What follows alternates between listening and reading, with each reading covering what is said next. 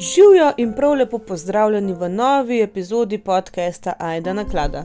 Danes je sreda, ko vi tole poslušate, in pred nami je en res, kako naj rečem, zelo nazoren primer. Um, govorili bomo o kanibalizmu, spolni zlorabi, mislim, ni da ni o čem, tako da tale je pa resno. Za tiste z malce močnejšim želodcem, mogoče. Uh, govorili bomo o primeru enega kanibala, ki je mogoče, jaz mislim, najbolj znan na svetu, uh, razen Hannibala, ki je pač fiktiven. Uh, še preden gremo na primer, si bomo pa mačkan pogledali, kaj kanibalizem sploh je, zakaj do tega pride in tako naprej, kako je bilo skozi zgodovino, da dobimo mačkan ozadje. Tako da uh, ne vem, koliko bo ta epizoda dolga, da ne bo predolga, pa najbolj, da kar začnemo.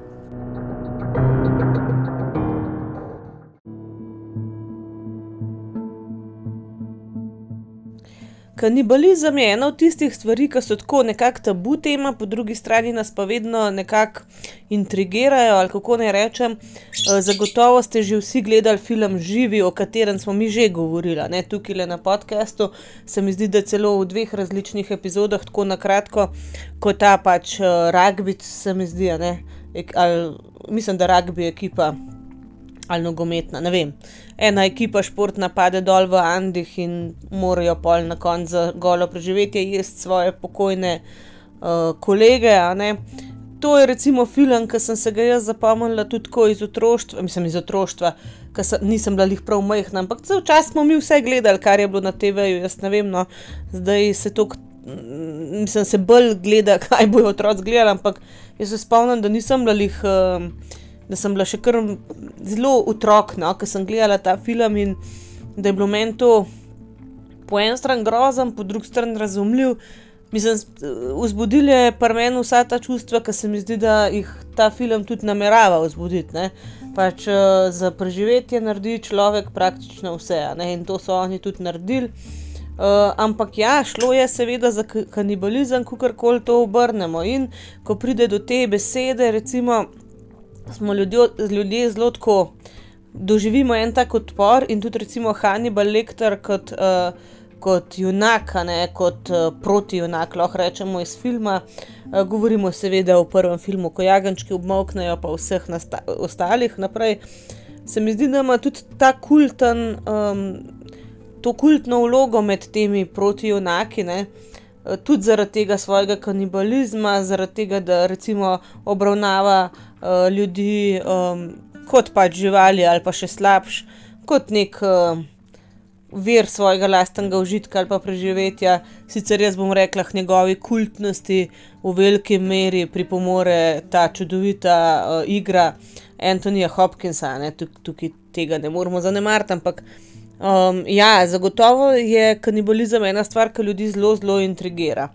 Zdaj, um, če mislimo, da se kanibalizem pojavlja samo pri ljudeh, zagotovo se ne. Uh, tudi pri živalih se in tudi tam se temu reče kanibalizem. Zdaj uh, različne živali se jejo med sabo, um, tudi znotraj svoje vrste. Zdaj, aj to namenoma ali ni, ne vem. R vem recimo, da nekatere uh, krastače dejansko odrasle pojejo kar velik del svojih paglavcev. Ki gre za čisto neko naravno selekcijo, ker pač jih tok itak ne bi mogli preživeti. In če ti v resnici ne odstraniš določen delež mladičev, eh, bojo pol tisti, ki ostanejo, lahko močnejši in imeli ve večjo možnost preživetja. Primer, uh, potem, uh, recimo, na Gini je bradata gama moja, vem, da tam, ki se pač izvalijo mladiči, ne, uh, um, so čistmičkani, ampak te mladiči, recimo, že takoj sami lovijo hrano svojo in tako naprej. Ne? Uh, te čiste mičke, nečričke se jim daje, jih je treba tudi dejansko ločiti od uh, odraslih, mislim, jih nimajo skupaj v istem terariju, terariju ker naprimer um, bi jih odrasle agame pojedle. Uh, pa tudi rekel mi je ta rejc, od katerega sem ta pač kupila na Gini, da um, enkrat so se celo žrli med sabo mladiči, čisti tam mali, tako da jih je ogromno ostal brez vem, noge, brez repa in tisti, ki so bili tako poškodovani, da bi imeli občutno pač zmanjšano kvaliteto življenja, jih je pol po futru odraslim agamam, kar je meni tako ne. Hm. Grozen se sliši, ne, ampak po drugi strani v, nar v naravi bi ta žival umrla neke zelo najbrž krute smrti, ali pa bi enako končala pač v želodcu svoje mame, očeta in tako naprej. Uh, v glavnem, ja, v naravi je veliko stvari narejenih tako, da, da čim več vrste preživi. Um, in ja, velikrat pač ima vmes, uh, vmes prste tudi kanibalizem, ampak pri ljudeh ne. Uh, ljudje pa vemo, da smo narejeni naj bi bili narejeni ne samo za golo preživetje, ampak um, nas vodijo tudi nekakšna čustva, pa morala, ne? neke moralne norme, naj bi nas, ne? in med uh, kanibalizmom in preživetjem je za nas en kup moralnih zadržkov, preden se tega poslužimo, recimo, ne? Uh, predtem, da bi seveda jedli druge ljudi, razen pri določenih ljudeh, ki pač teh zadržkov niso imeli, in eden od teh je tudi uh, človek, ki ga bomo danes spoznali. Ampak ja, dejansko um, veliko je bilo primerov kanibalizma uh, skozi zgodovino, recimo, uh, kot sem že rekla, ta zadeva v Andih, pa potem tudi Donorjeva odprava, ki smo tudi jo že obravnavali, ko so v resnici uh, kaj toliko ljudi zmrznili, pa umrli no, od izmučenosti in ker niso imeli več hrane, so pač začeli te ljudi jesti, pa naj bi nek nekatere ljudi dejansko tudi ubila ne, za potrebe prehrane. Vemo pa tudi, da obstajajo še vedno plemena, uh, ki imajo kot del uh, svoje kulture, a ne nekih običajev, tudi kanibalizem. Zdaj, veliko smo poslušali o teh ljudožercih, pa uh, v kakšnih različnih zgodbah, filmih in tako naprej so se pojavljali. Kako resnično je to, ne vem, ampak. Večinoma ta plemena, ki imajo kanibalizem kot del svoje kulture, uh, ga uporabljajo bolj ritualistično, ne, ne zdaj tako za preživetje, kot je bilo v filmih predstavljen, da tam neki temnopolti plemenski moški ne, uh, lovijo enega belca, zato da ga pospečajo. Tudi to se je že zgodilo. No. Ampak to se, recimo, to, da so kašnega belca.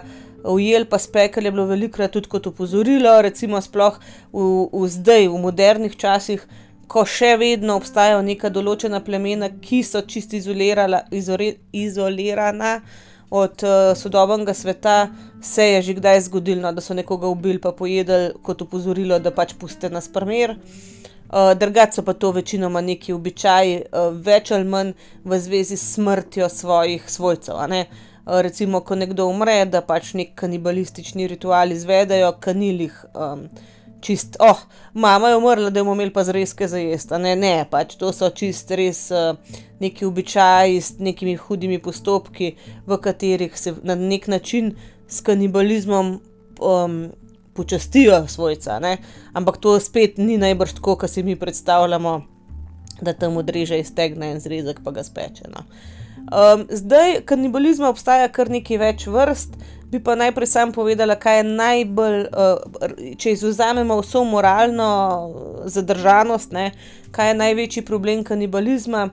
Uh, to, ne, da je za ljudi in za živali, ki se ga poslužujejo, recimo, lahko zelo nevaren, ne, ker pač lastno meso, mislim, meso lastne vrste nas, nam lahko tudi zelo škoduje pri ljudeh, recimo, sploh, če bi se pojedli možgane človeka, ne, kot je recimo kanibal delo, um, Hannibal, sorry. Um, dejansko je neka snov ali neka bakterija v možganjih, ki lahko povzroči uh, neko bolezen, ki je zelo podobna bolezni norih krav. In tudi bolezen norih krav je v bistvu bila povzročena s tem, ko so tem kravam prvim uh, hranili, zdaj jaz ne vem, ali neko moko kostno ali neki nekaj kravjega, nekaj iz krav narejenega, ali ne, v glavnem. Kanibalizem je bil v resnici sam pri kravah, in je potem uh, zaradi tega prišlo do te nevrološke bolezni, in enako se lahko zgodi pri um, pr ljudeh. In tudi, naprimer, um, eno pleme, ki je še do 50-ih let prejšnjega stoletja, ne, to je do 1950, se posluževalo kanibalizma, je v zelo veliki večini pač. Eh, so zboleli in umrli zaradi te bolezni, ki je prežide, pri, prizadela njihov centralni žilčni sistem, ker so pač jedli človeško meso, pač ta nek parazit je prišel vanje. uh, in potem je uh, veli, velik del te populacije umrl, zdaj ne vem, je bilo to v Papu in Novi Gvineji ali nek, ne vem točen kje. No. Ampak ja, velik del populacije tega plemena je umrl, je pa res, da pač po naravni selekciji so ostali samo tisti, ki so na, to, na ta parazit pač um, odporni. In uh, zdaj načeloma nimajo več težav, ampak se je pa pol naglo začel nižati nekak delež uh, kanibalizma v tej njihovi kulturi. Govorim pa spet, da to so neki ritualistični obredi, uh, ni zdaj to, da bi oni lovili ljudi, pa jih pekli tam, ne zato, da jih bojo pojedli. Zdaj, kar se tiče pa različnih uh, vrst kanibalizma. Um, to velja več ali manj za živali, ampak nažalost tudi za kakšne izprijene ljudi. Uh, Eh, prva vrsta je spolni kanibalizem oziroma seksualni, uh, ki pomeni recimo pri živalih, da žival po uh, paritvi, naprimer po parjenju, ubije pač samica ne, svojega partnerja. To poznamo recimo pri bogomolkah, pri uh, raznih pajkih, recimo črna vdova in tako naprej, tudi škorpioni. Uh, v glavnem ja. Da, ko, ko je končana uh, paritev, samica pokonča samca, ker ga ne rab več.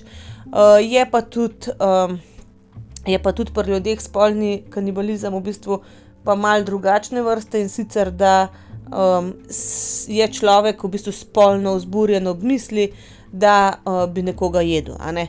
Tako da pri ljudeh ima ta zadeva močkan drugačen pomen. Uh, potem je pa še um, kanibalizem, ki je strukturiran, se, mislim, ki je pogojen s um, pač uh, velikostjo nekega primerka, neke vrste. In sicer prvi je filialni kanibalizem, uh, kjer v bistvu odrasla žival, ne poje um, svojega mladiča, uh, zaradi tega, ker je pač manjši in ker ga lahko poje.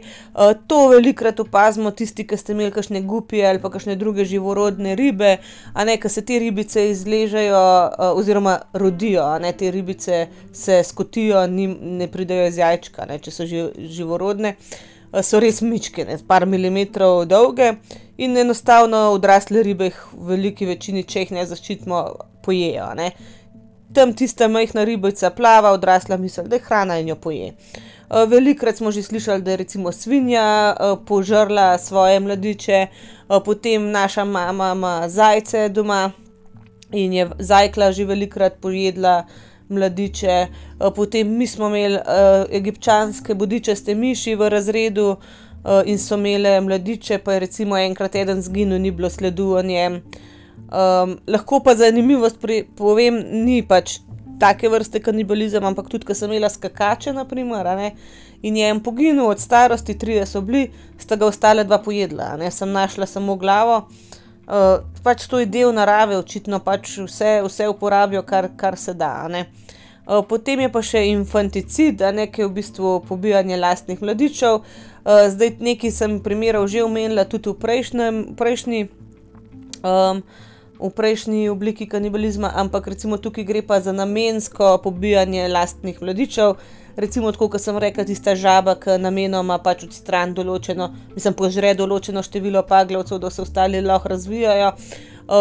Pogosto je tudi recimo pri uh, levih, kjer naprimer, um, če se izkoti, skoti nek uh, samec mladič, ki bi lahko neko grožno vodje krdela, mislim, vodje te skupine, ne krdela, oni nimajo krdela, ampak vodje skupine uh, alfa samcu levu predstavljal, ne, ga lahko požre samo zato, da nekako svojo neko uh, veljavo, um, veljavo pač vzpostavil nazaj. Ne.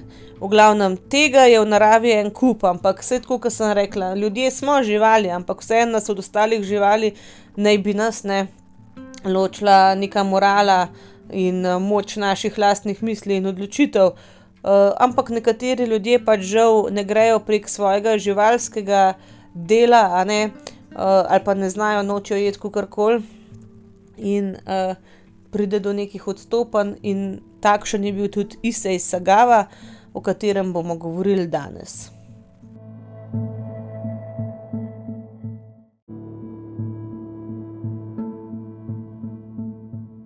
Danes bomo v tale nabor mojih kriminalcev dali mačken bolj, uh, mačken več diverzitete, da jim rečem, ker bomo imeli prvega azijskega gosta, uhu, a ne.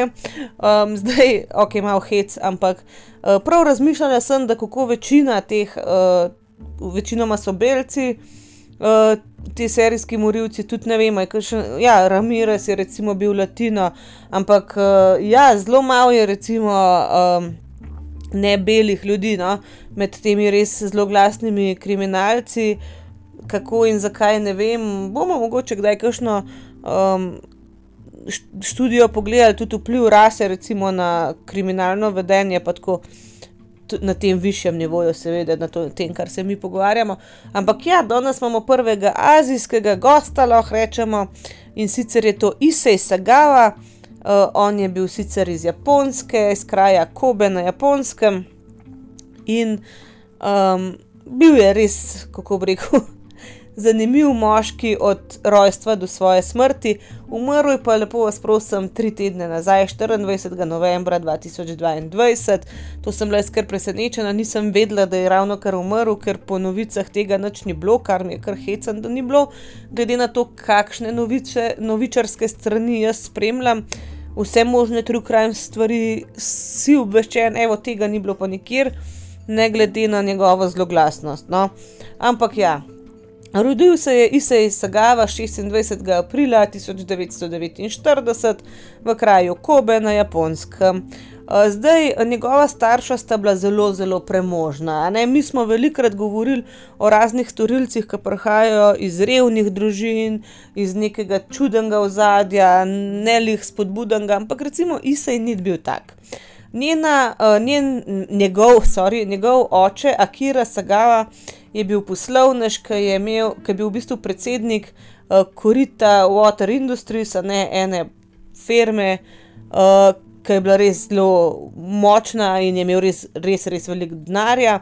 Tudi njegov dedek je bil urednik nekega časopisa, tako da že dolg, dolg čas je bilo s to družino, kar se financ tiče, vse v najlepšem redu, in tudi sicer je bilo to življenje zelo urejeno. Uh, je imel pa Isaj neko smolo, že preden se je rodil, kajti njegova mama uh, je, pre, ko je bila noseča z njim, tako hudo padla po stopnicah, da so v bistvu tako se potovkla, pa tako po trebuhu tudi potovkla, da so zdravniki rekli, da je čudež, da ni splavila, ne? da pač. Da se je Isej sploh rodil, ampak kljub temu, da ni splavila, se je Isej rodil v petem mesecu nosečnosti, ne?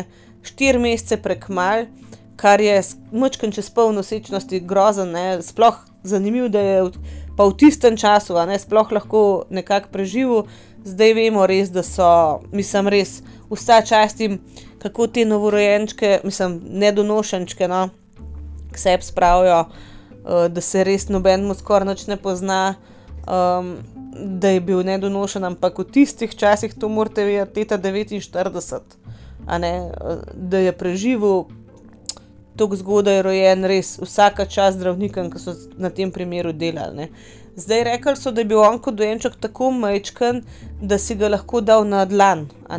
In, in tudi nekako nikoli ni Isaj potem v življenju čist normalne velikosti dosegel. Zdaj ne vejo, ali je bilo zaradi tega, ali genetika, ali bi bil itak majhen, ampak on je recimo najvišja njegova velikost je bila 144,8 cm, rečemo 145 cm, to je res majčkano, majčkano. Eh, sploh pa za moškega, ne? s čimer je imel on potem res, res velike težave. No? Um, ker je bil pač no, um, nedonošen, je takoj po rojstvu um, razvil eno bolezen, ki se ji reče enteritis, uh, oziroma to je um, unetje tega črevesa, ne, uh, mislim, da uh, tega oskega črevesa, ne vem. No, um, Nekega dela črevesja in je pač uh, moral dobivati injekcije potasijuma, pa kalcija, uh, v glavnem en kup enih zdravil je moral dobivati, uh, in um, on je bil, zdaj ne vejo, a tudi kot posledica teh zdravil, zelo introvertiran, zelo socialno, naroden, tak. Um, In ja, enostaven pač um, ni bil čist, čist navaden otrok. No. Poleg tega ga je pa v bistvu mama res ne preklenila nas, ampak zelo, zelo ga je imela rada in zelo ga je s to ljubeznijo obkrožala. Uh, zdaj, uh, malo je bila težava, pravijo pri pr Isaju, pol v nadaljem življenju to, da on, ki je bil res dolg v inkubatorju, valjda, ne če je bil to kmečkam, pa, pa uh, nedonošen, mu je manjkal ta prvoten stik z mamo, a ne koža na kožo. To je izrednega pomena tudi za kasnejše odnose v življenju, za odnos do drugih ljudi. To ni kar tako, a ne za zanemart. In to mu je res zmanjkalo, ampak mama pol kasneje ga je res obkrožila z ljubeznijo, z, vsem, z vso pozornostjo, kar jo je premogla. Mislim, kar jo je premogla in tudi oče. On je res v enem ljubečem okolju odraščal. Eh, je pa res, da mogoče malo je bilo pa tukaj problem to, da ga je mama, ker je bil že kot majčkan tok bogi, ne, skušala zaščititi predvsem neprijetnem. Eh, in ena od teh neprijetnih stvari je bila tudi spolnost, recimo, in ona se nikoli ni z njim, ne z njegovim bratom, ne, eh, z nobenim od njiju dveh, nikoli pogovarjala, recimo o spolnosti, kaj pomeni, naprimer. Um, kaj je erekcija, kaj je vzburjenost, noč tega se ona ni z njimi pogovorila, kar je tudi kasneje privedlo do marsikatere težave. No. Zdaj, um, še ena stvar, ki je Isaja dost um, nekako zaznamovala, je nekako ena igra, ki se jo je šel s svojim stricem, pa očetom. Uh, in sicer um, dejansko so se šli eno igro vlog, uh, ki je bila čist nedolžna, ampak zdaj, ko gledamo za nazaj, se nam zdi vse malo čuden, pa kaj vam ni bilo jasen. In sicer um, stric se, se je delal, da je nek uh, velikan, ki žre otroke in je Isaja pa njegovega brata lovil. A ne pač lovil so se in on se je igral, da je velikan. Um, oče je bil prav oblekel, ta stric se je prav oblekel v tega velikana, v to pošast, oče se je oblekel v viteza, pa je kao hotel jo rešiti, ampak igra je bila vedno tako narejena, da je pač stric ni jo ujel, pa jo je pa kukar zbasal v en kotu v kuhinji oziroma v neko velik lonc, ker ona dva sta bila res tako majčkena, da sta dejansko šla v ta lonc in to je bilo to. Smejali so se in je bilo vsega konca. Ne? Zdaj, za nazaj, ki gledaš, se nam zdi mogoče to, o, kva vam ni bilo jasen, ampak to je res ena čist igra. Ne? Se, če bi mi šli razglabljati vse, kdo se boji črnega moža, pa ostale igrice, a ne, bil mrske lahko na robe, razumeli. Ampak meni se zdi kvečjem pozitivno, ne? da se je oče, če je bil tak poslovnoš, pa tak deloholik najbrž tudi, ne, da si je vzel toliko časa, da se je igral s sinovima, čeprav mogoče gledano za nazaj, uh, to ni bila lih običajna igra. Ne. No, ampak Isej ne, je kasneje povedal, da v bistvu odkar pomni, um, je imel neke kanibalistične vzgibe in tudi ta igrica, ki so se jo šli, da mu je bilo tako. Recimo, ko, je, ko jo je strpel ta stric v ta lonc, kukar, da je bil tako, malo mu je bilo grozljiv, ampak ful pa tudi vznemirljiv, da mu je bilo na nek način pozitivno, da bi ti nekoga pojedel. In ba je tudi njegov brat, ne, um, imel dejansko enake misli, sam brat ni nič okoli tega naredil, ne, in se pa je, uh, spoiler alert. Ne. Zdaj še ena stvar iz otroštva, ki je mogoče malo čudna, je to. Um, da recimo Janko in Metka, ne, ta pravljica, če bi se vanjo spuščali, tudi kar grozna, v resnici pa dobro, ne zdaj nehimo big deal iz pravljic delati. Ampak enostavno Isa je rekel, da ko um, je razmišljal, kako je ta čarovnica v bistvu pitala Janko ta pametko, da bo sta bolj debela, da jo bo več za pojesti in tako naprej, ne, um, da je prvič začutil nekaj podobnega v zburjanju ne more reči, lih čisto zburjenje kot tako, ampak nekaj podobnega v zburjenju je pa bilo. No, in tudi um, prvo dejansko vzburjenje je prišlo pa v prvem ali drugem razredu, uh, ko je videl um, od enega sošolca ali enega starejšega fanta. Nogo, a ne stegno, ki so imeli kratke hlače oblečene, ta sošolc je tam sedel in Isa je v resnici opazoval, um, ta stegno, to kožo gladko in je rekel, da prva stvar, ki mu je padla na pamet, je bila, kako bi on rad v to ugriznil. In takrat je rekel, da telesno sicer ne, ampak v glavi je prvič začutil tako vznemirjenje, kot ga je potem kasneje prepoznal kot vzburjanje. uh, samo da je rekel, da nikoli ni bil pa istospolno usmerjen. No? Nikoli ga niso uh, privlačili moški kot taki, ampak njemu je bila takrat razborljiva tista noga, ne tisto meso dejansko. Uh, prvo spolno vzburjanje pa dejansko doživel, ko je razmišljal o tem, da bi ugriznil v stegno enega fanta pri, pri približno 12 letih. Uh, in ko je pač prišlo do erekcije, to zdaj je kratko jak, ne, uh, on dejansko ni vedel, kaj to je. Uh, on je bil prepričan, da to, da mu stoji, da, ne, da je nekaj narobe z njim, da je neki bolan, da to, to nekaj ni v redu, ker mu nihče ni razložil, pač, kaj to pomeni.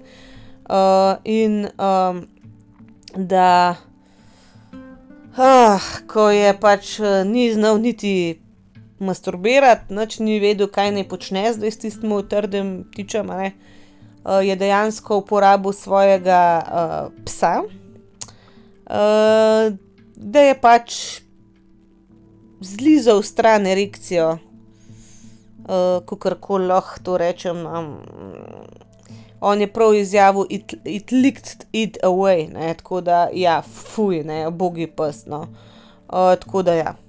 Takrat, potem, ko so se pač te prve erekcije začele pojavljati, je pa v resnici začel dobivati tudi neke prve kanibalistične težnje, želje po ženskah, se pravi, da bi jedel ženske. No. Um, zdaj, okoli tega, kako in kaj, uh, mislim, kaj ga je privedlo do teh želja po ženskah, je imel Isaj tudi veliko zapovedati. In sicer uh, rekel je, da je v bistvu začel, ker je bil zelo osamljen, ne? on je bil čist introvertiran in um, je bil zelo osamljen in je začel čim več brati. Um, sploh to zahodno literaturo, tudi zahodne nekakšne trače, časopise in tako naprej.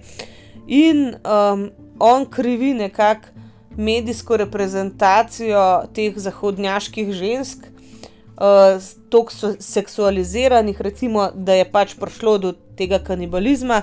Kaj ti on je rekel, da je kar naenkrat bil obkrožen z ženskami, kot je bila recimo Grace Kelly in podobne. Uh, in um, je rekel, da večina ljudi, recimo, nekaj je videla Grace Kelly ali pa kakšno drugo lepo žensko, pač ali ti je bila lepa, všeč, kako koli, ali pa si bil mogoče vzburjen, nekaj si jo videl, da on, recimo, ki je pa gledal ta telesa, predvsem njemu je bila ta gladka koža, recimo, mu je bila všeč, um, je pa recimo um, pomislil, kako bi bilo dobro to pojesti, ne? to bi bilo pa noro. Tako da, ja, ampak jaz mislim, da ni nobena medijska reprezentacija nečesar kriva. Ne? Mislim, vsi gledamo ženske razne, mislim, zdaj imamo manj mesnate, kot so jih gledali, ne 60 let nazaj, 70 let. Ampak, eh, a ne, se veste, kaj hočem reči. Pa noben od nas najbrž ne pomisli, mm, kako je huda, kva bi jo pojedel. Tako da, mm, a ne, tukaj je še nekaj drugega, mogel biti na robe. No, ampak, kot sem povedala, Isa je kar dosta stvari imel samo sebi zapovedati in tudi glede tega, kaj ga je vodilo ne, k temu kanibalizmu, je imel en kup izgovorov in je sicer rekel, no, da za njega je bil to vedno nek fetiš, a ne neki čist seksualnega, nekaj, kar ga je vzburjal, ampak nikdar je rekel, ne, pa ni imel v bistvu želje ubiti nekoga, da če bi se dal nekoga sam en del, njegov del pojesti, brez da ga ubiješ, bi bil on takoj za, ampak je nekako kasneje dojel, da se to ne bo dal in ja, je prišlo do česar je. Ampak ja, dejansko prav, da je njemu to isti fetiš, kot je pa nekomu, ne vem, na stopala ali pa na ne vem, vezanje, kakorkoli. Njemu je pač bil to čist nekak en spolno zadovoljstvo, da bi nekoga pojedel. Ne? Pa še ena stvar je pa bila, no, da ko je pač gledal ta ženska telesa, um, te ženske so bile tako v večini večje od njega. On je bil, kot smo rekli, ne meter, kot 45 cm velik in predvsem noge, ne, da je imel celo življenje res tako tanke, čist suhe. In da uh, on, ki je gledal te ženske, je imel občutek, da če bi ta njihova krepka telesa, zdaj ne govorim, krepke v smislu m, fizično neki debele ali kaj, ampak pač krepke, zdrave, a ne zdrave ženske. Uh, normalno hranjene, hranjene ne, če bi ta telesa užival, bi mogoče neki, neki te njihove telesne moči um, lahko nas je pač uh, prevabil, preklical, dodal kakorkoli in zato je pač tudi hrpenel po, po uživanju njihovega mesa. No, kakorkoli, ne glede na to, zakaj in kako je do tega prišlo, Isa je v vsakem primeru želel, poskušal na nek način te svoje, kako bi rekel, potrebe zadovoljiti že pri 15 letih, pa mu ni rad ali nekoga je hotel ugrizniti, kakorkoli. Potem pri 24 letih, ko je um, študiral na univerzi v Tokiu, je uh, sledil domov eni visoki nemški ženski. To je, to ne, je bil, to recimo je bil arhetip ženske, ki je bil njemu top. Uh, zahodnjakinja, se pravi Nemka, recimo, ne še bila svetlolasa, uh, visoka je bila, uh, zdrava, videti, in on je njej sledil domov in je imel idejo, uh, ko je spala, je pač uh, vdrl v njeno stanovanje in je imel idejo, da bi uh, odrezal en del uh, njene ritnice uh, in ušel ne, s tistim koščkom mesa, ni zdaj hotel jo ubiti, ampak ja, pač, da bi sam odrezal, samo, a ne v narekovajih, odrezal en kos mesa uh, in z njim ušel, pa pol to meso pojedel. Ampak ona, ko se jo je dotaknil, uh, se je zbudila, zbila tega mičkega možička na tla in uh, poklicala policijo. Zdaj, uh, seveda, on je bil zaprt zaradi poskusa posilstva, čeprav ne, on je razlagal tam, da, um, da, mislim, da jo ni hotel uh, posiliti, ni pa tudi povedal, kaj je hotel narediti v resnici. Ne. Tako da bil je zadržan zaradi poskusa uh, posilstva, kot sem rekla, potem je pa njegov oče plačal varščino in je bil izpuščen. Tako da, ja. Uh, oziroma, mislim, da oče ni plačal varščine takrat, ampak je plačal en večji znesek te žrtvi, da je nehala težiti in so Isaja pač uh, izpustili. Tako da ja, zdaj je leta 1977, ko je bil Isaj star 27 let, pa se je potem vendarle uh, preselil v Francijo, v zibelko zahodnjaških žensk, ne za njega, uh, da bi pač dobil nekak doktorat um, iz literature na univerzi v Parizu. Um, in uh, ja, tam je pa on začel res um, mačkam bolj aktivno se ukvarjati s temi svojimi željami in tudi s tem, kako bi jih zadovoljil.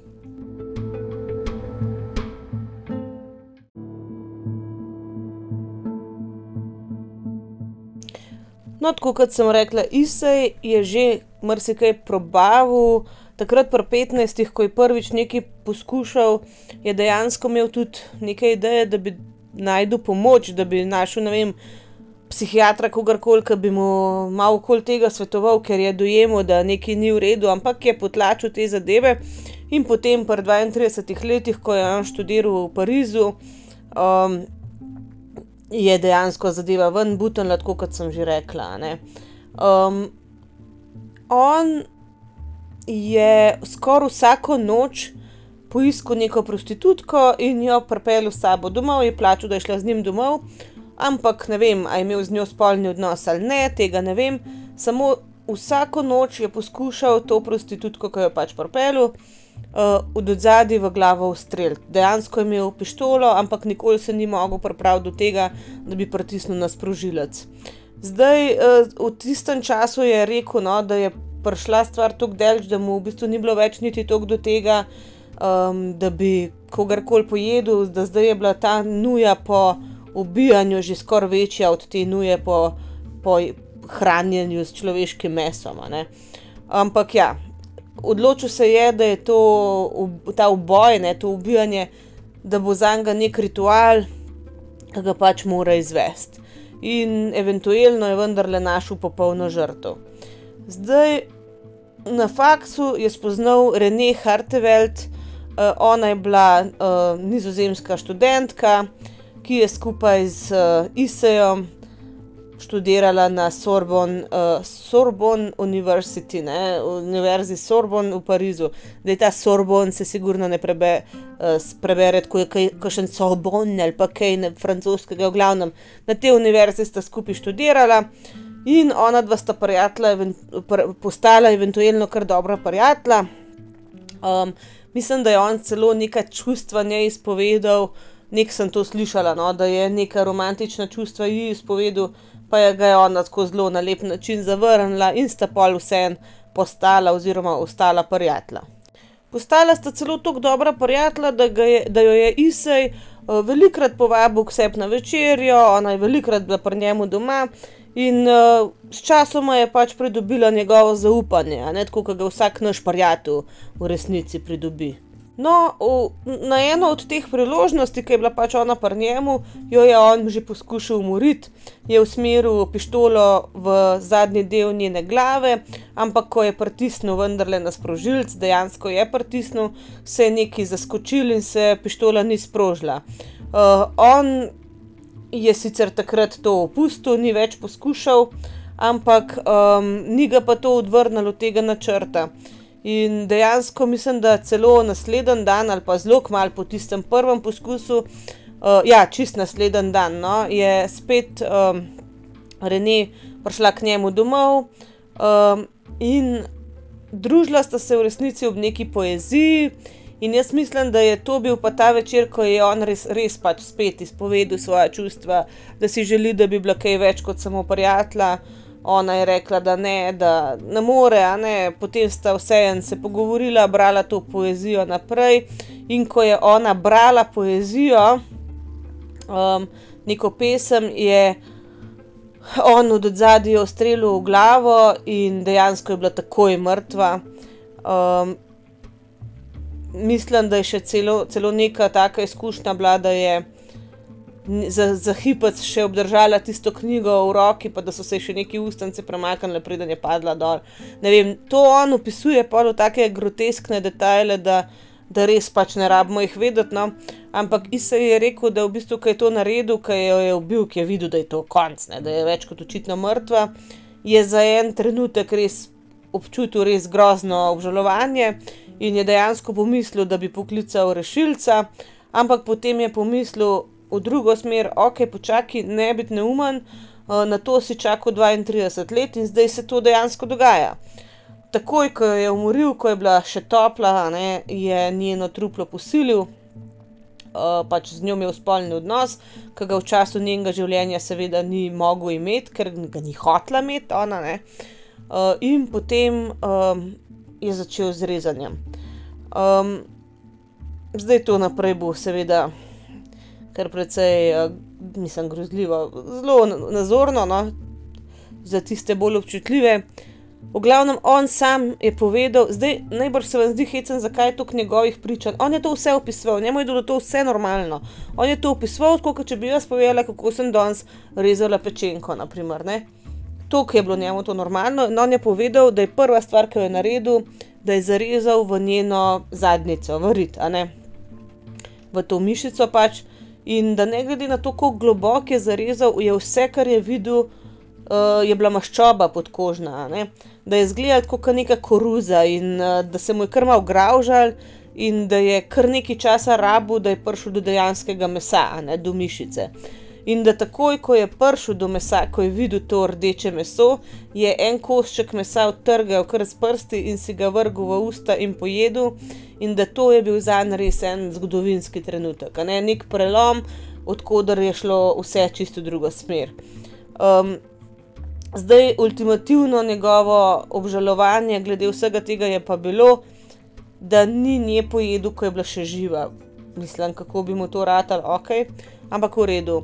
Um, povedal je, da vse, kar si je v resnici želel, je bilo, da bi pojedel njeno še živo meso. Um, da najbrž mu noben ne verjame, ampak da je bil njegov ultimativni cilj, um, da bi jo jedel, ne da bi jo ubil, čeprav prej si je čist nasprotoval ne? v prejšnjih izjavah.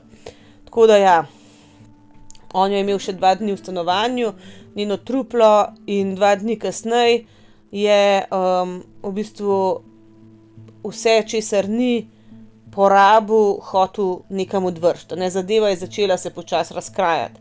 Saj vemo, tudi če bi imel kupljen meso iz trgovine na pultu dva dni, ne diši več pol lepo. Ne. On je dejansko iz njenega telesa kar precej stvari odrezal, um, uh, večino mesa iz tega uh, medeničnega območja, se pravi zadnjica, stegna, uh, neki potrebuhu. Potem, um, kaj je še vzel? odrezal in pojedel je um, njeno, večino njenega obraza, uh, stopala, stegna smo že rekli, prsi, uh, potem uh, vrat. Um, povedal je, um, da je, ok, to je res ugaben, da je njen cel ščegetavček pogotnil um, surov. Mislim, to je res, res, res ugaben, ker on je to v takih, v takih detajlih razlagal grozen. No?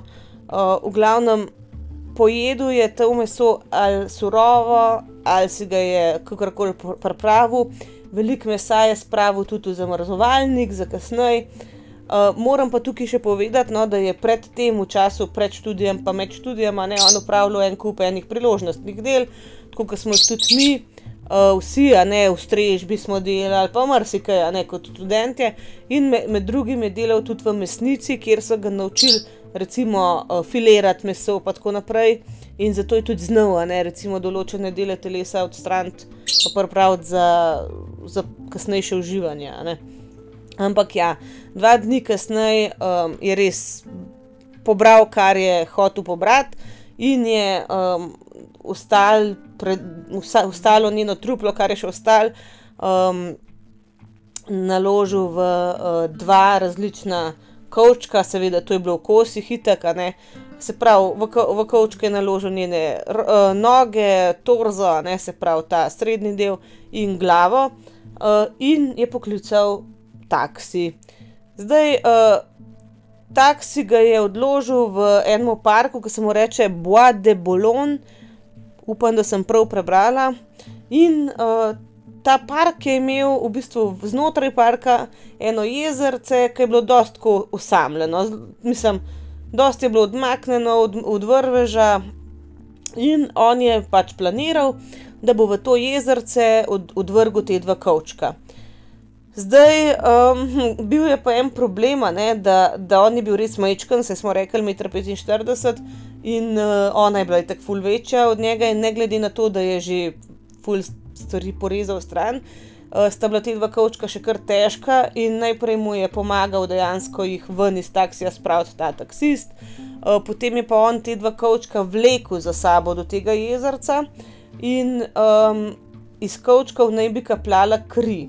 Zdaj jaz to ne verjamem, ker uh, dva dni staro truplo ne krvavi, ne to, to pač so te uh, zgrešene predstave, ki jih ljudje imamo.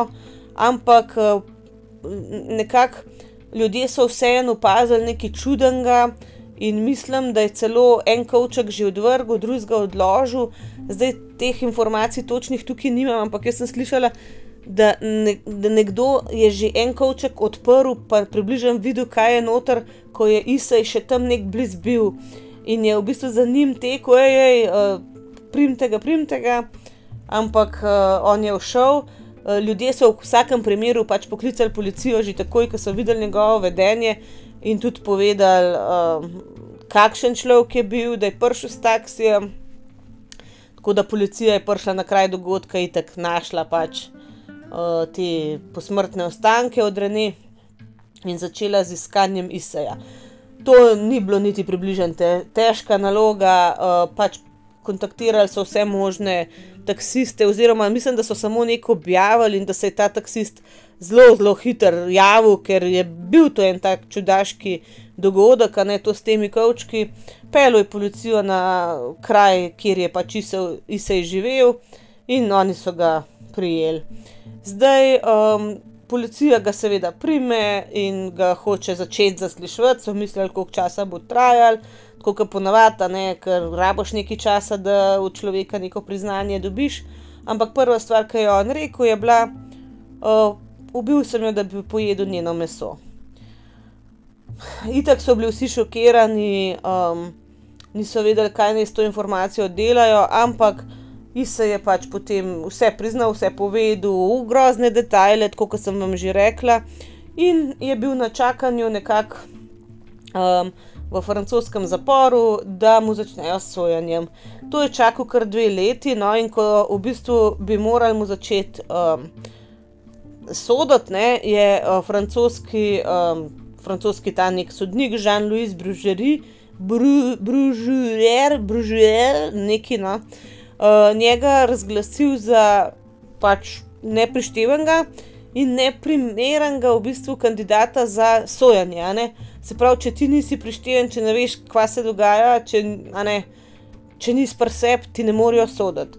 In um, na ta način so v resnici vse obtožbe ovrgli in mu nekako do, dosodili ali pa dodelili doživljensko bivanje v psihiatrični bolnišnici. Ne. To je tisto, veste, ki smo se že velikokrat pogovarjali, da en kup enih um, teh zločincev misli, da um, če bojo kao neprištevni, bla bla, da bojo šli v zaporu. Ja, šli boste takšni vrsti zapora, ampak zaprt boš vse najbrž do konca življenja v eni drugi inštituciji, se pravi v psihiatrični bolnici. To ni zdaj, da bi ti kao naj šel na prostost.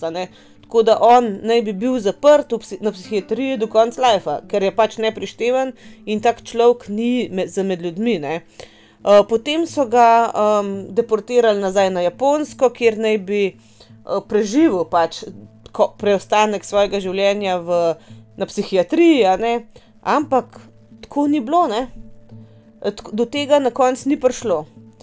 Zdaj, v Franciji so vse te obtožbe, se pravi, ovrgli zaradi njegove neprištevnosti in zaradi tega, ker so jih ovrgli, ker mu pol dejansko sojeno ni bilo, so se ti dokumenti sodišča zamrznili, zaklenili uh, in se jih ni dal v bistvu um, izročiti oziroma um, dati sploh v pogled uh, japonskim oblastem.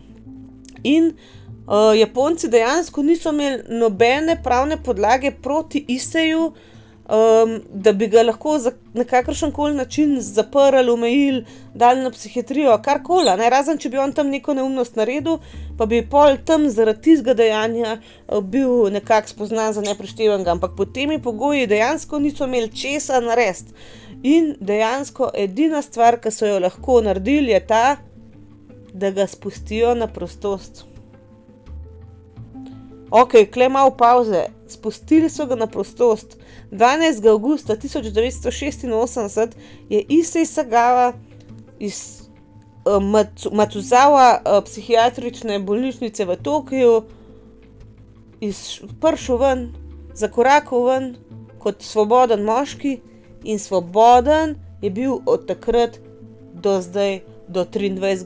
11. ali kdaj ja, do 24. novembra letos, ko je pač umrl. Meni je to,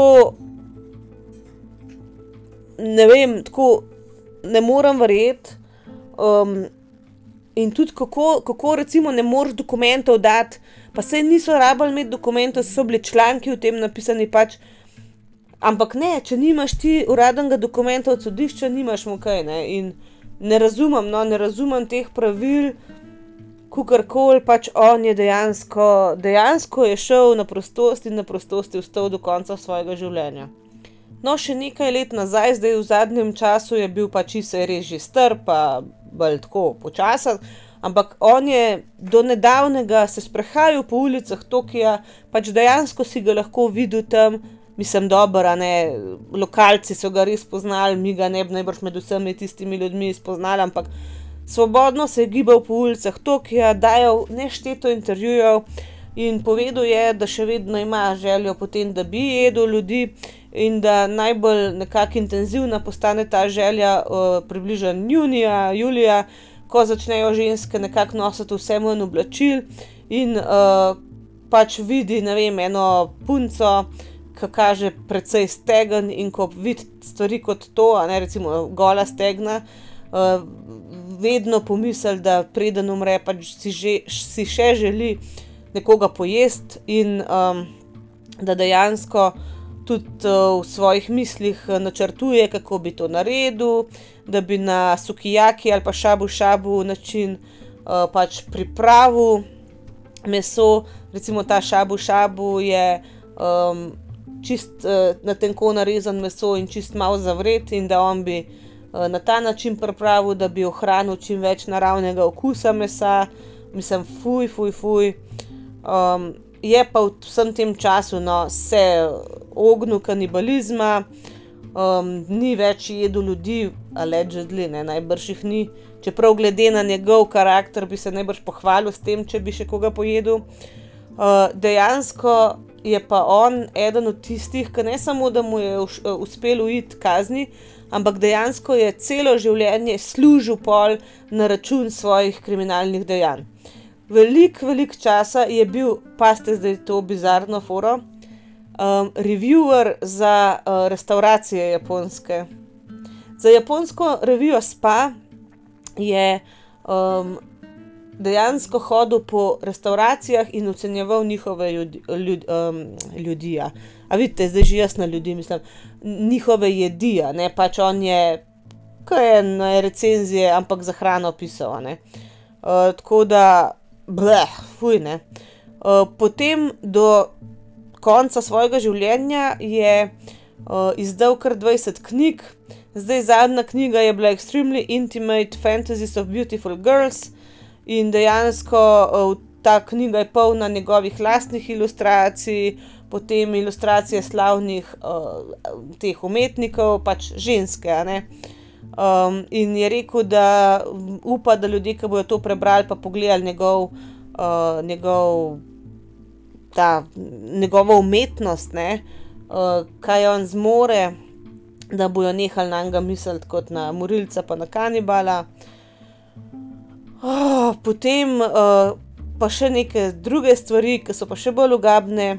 In sicer, ok, med leti 86 in 97, takoj potem, ko je bil izpuščen, je bil velikrat, velikrat uh, povabljen kot uh, sogovornik v različne oddaje, na intervjuje in tako naprej.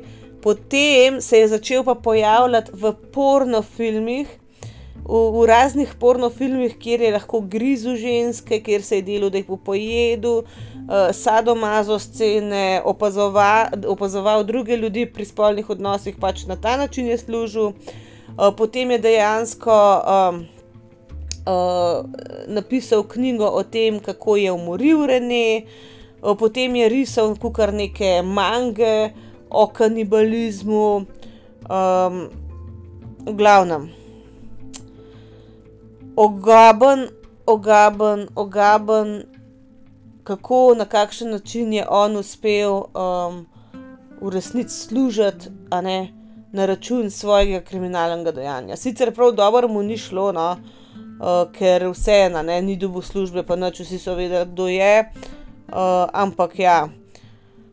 Ko, na koncu je umrl zaradi komplikacij v zvezi s pljučnico v Tokiu 24. novembra 2022, se pravi, to je zdaj 6, 19 dni nazaj, pri 73 letih je umrl, počivaj v nemiru, a ne kaj ne rečem. Takšnemu človeku ne daš miru, mislim, si ga ne zaslužniti po smrti, ampak ja. Um, ne vem, sploh ne vem, m, kaj pri tem, pri tem primeru me najbolj zmoti ali pa najbolj tako Meni je najbolj ugaben to, da dejansko okay, od tega umora imaš res dosta fotografij, pa vsega tudi na internetu, uh, sicer so črno-bele, tako da so veliko manj uh, grozljive, kot če bi bile barvne, se meni zdi. Ne? Ta Rene je bila res, res lepa punca, škoda, škoda, škoda jo je. Um, ker dejansko imaš uh, tudi, ne vem, slike, on je imel cele krožnike tega mesa. Mislim, to je mogel biti res grozen za te svojce. No? Ampak še bolj grozen je pa to, da na internetu samo da upišeš Isej Segava oziroma Sagava, um, so ne, tudi njegove fotografije, ko je recimo nagon, prav gov je, uh, z nožem pa z vilico, kukar uvidem pa enega pojedu, pol velike fotografije, ko on je meso, pa prav tako gleda v kamero. Dejansko je bilo to enega. Um, prav, da bi se šel, oh, igral bom na to karto kanibalizma in folko bo to full noro. Ne? Prav, ne vem, no, kaj ne vam rečem.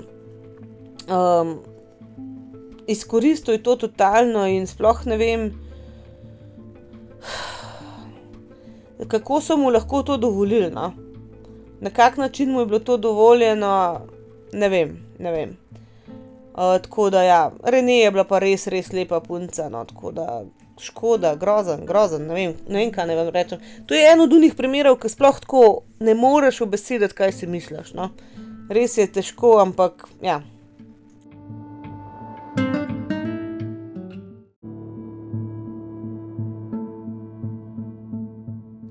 Za današnji primer je to to. Ne? Zdaj ne vem, koliko je dolga ta epizoda, po mojem, sploh ni tako kratka, ker sem mislila, da bo vmes nekaj res ogabnih detajlov, ker sem se sprašvala, jih naj povem, sploh ali ne.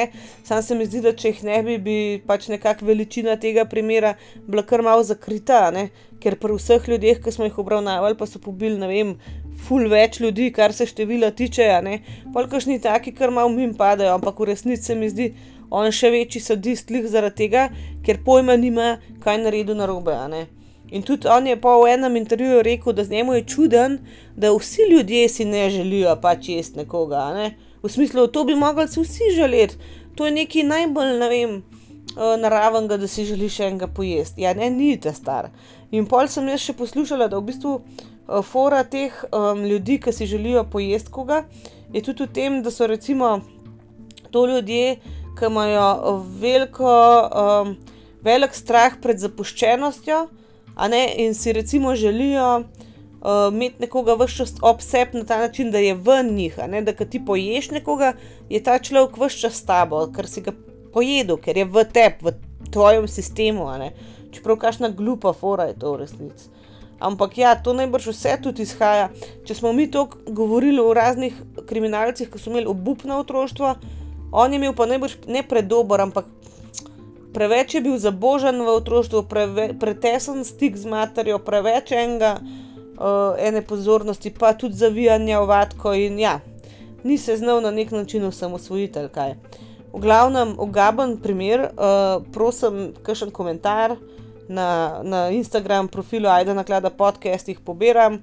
Tudi kakšne predloge za teme pobiram, ker ste mi že nekateri tudi hotel to, mislim, kakšne predloge napisati, pa, pa kar noč ni bilo. Tako da, uh, dej, napišite, ne? sicer imam še tem, uh, na zalogi, ampak, a ne, nikoli ni slabo kaj novega pogruntati. V glavnem, uh, pridite na komentar, dajte kakšno oceno, tudi v Apple Podcast, po Spotifyju, na Spotifyju. No. Uh, Drugače pa poslušamo v petek, do takrat ostanite varni zdravi in čau, čau!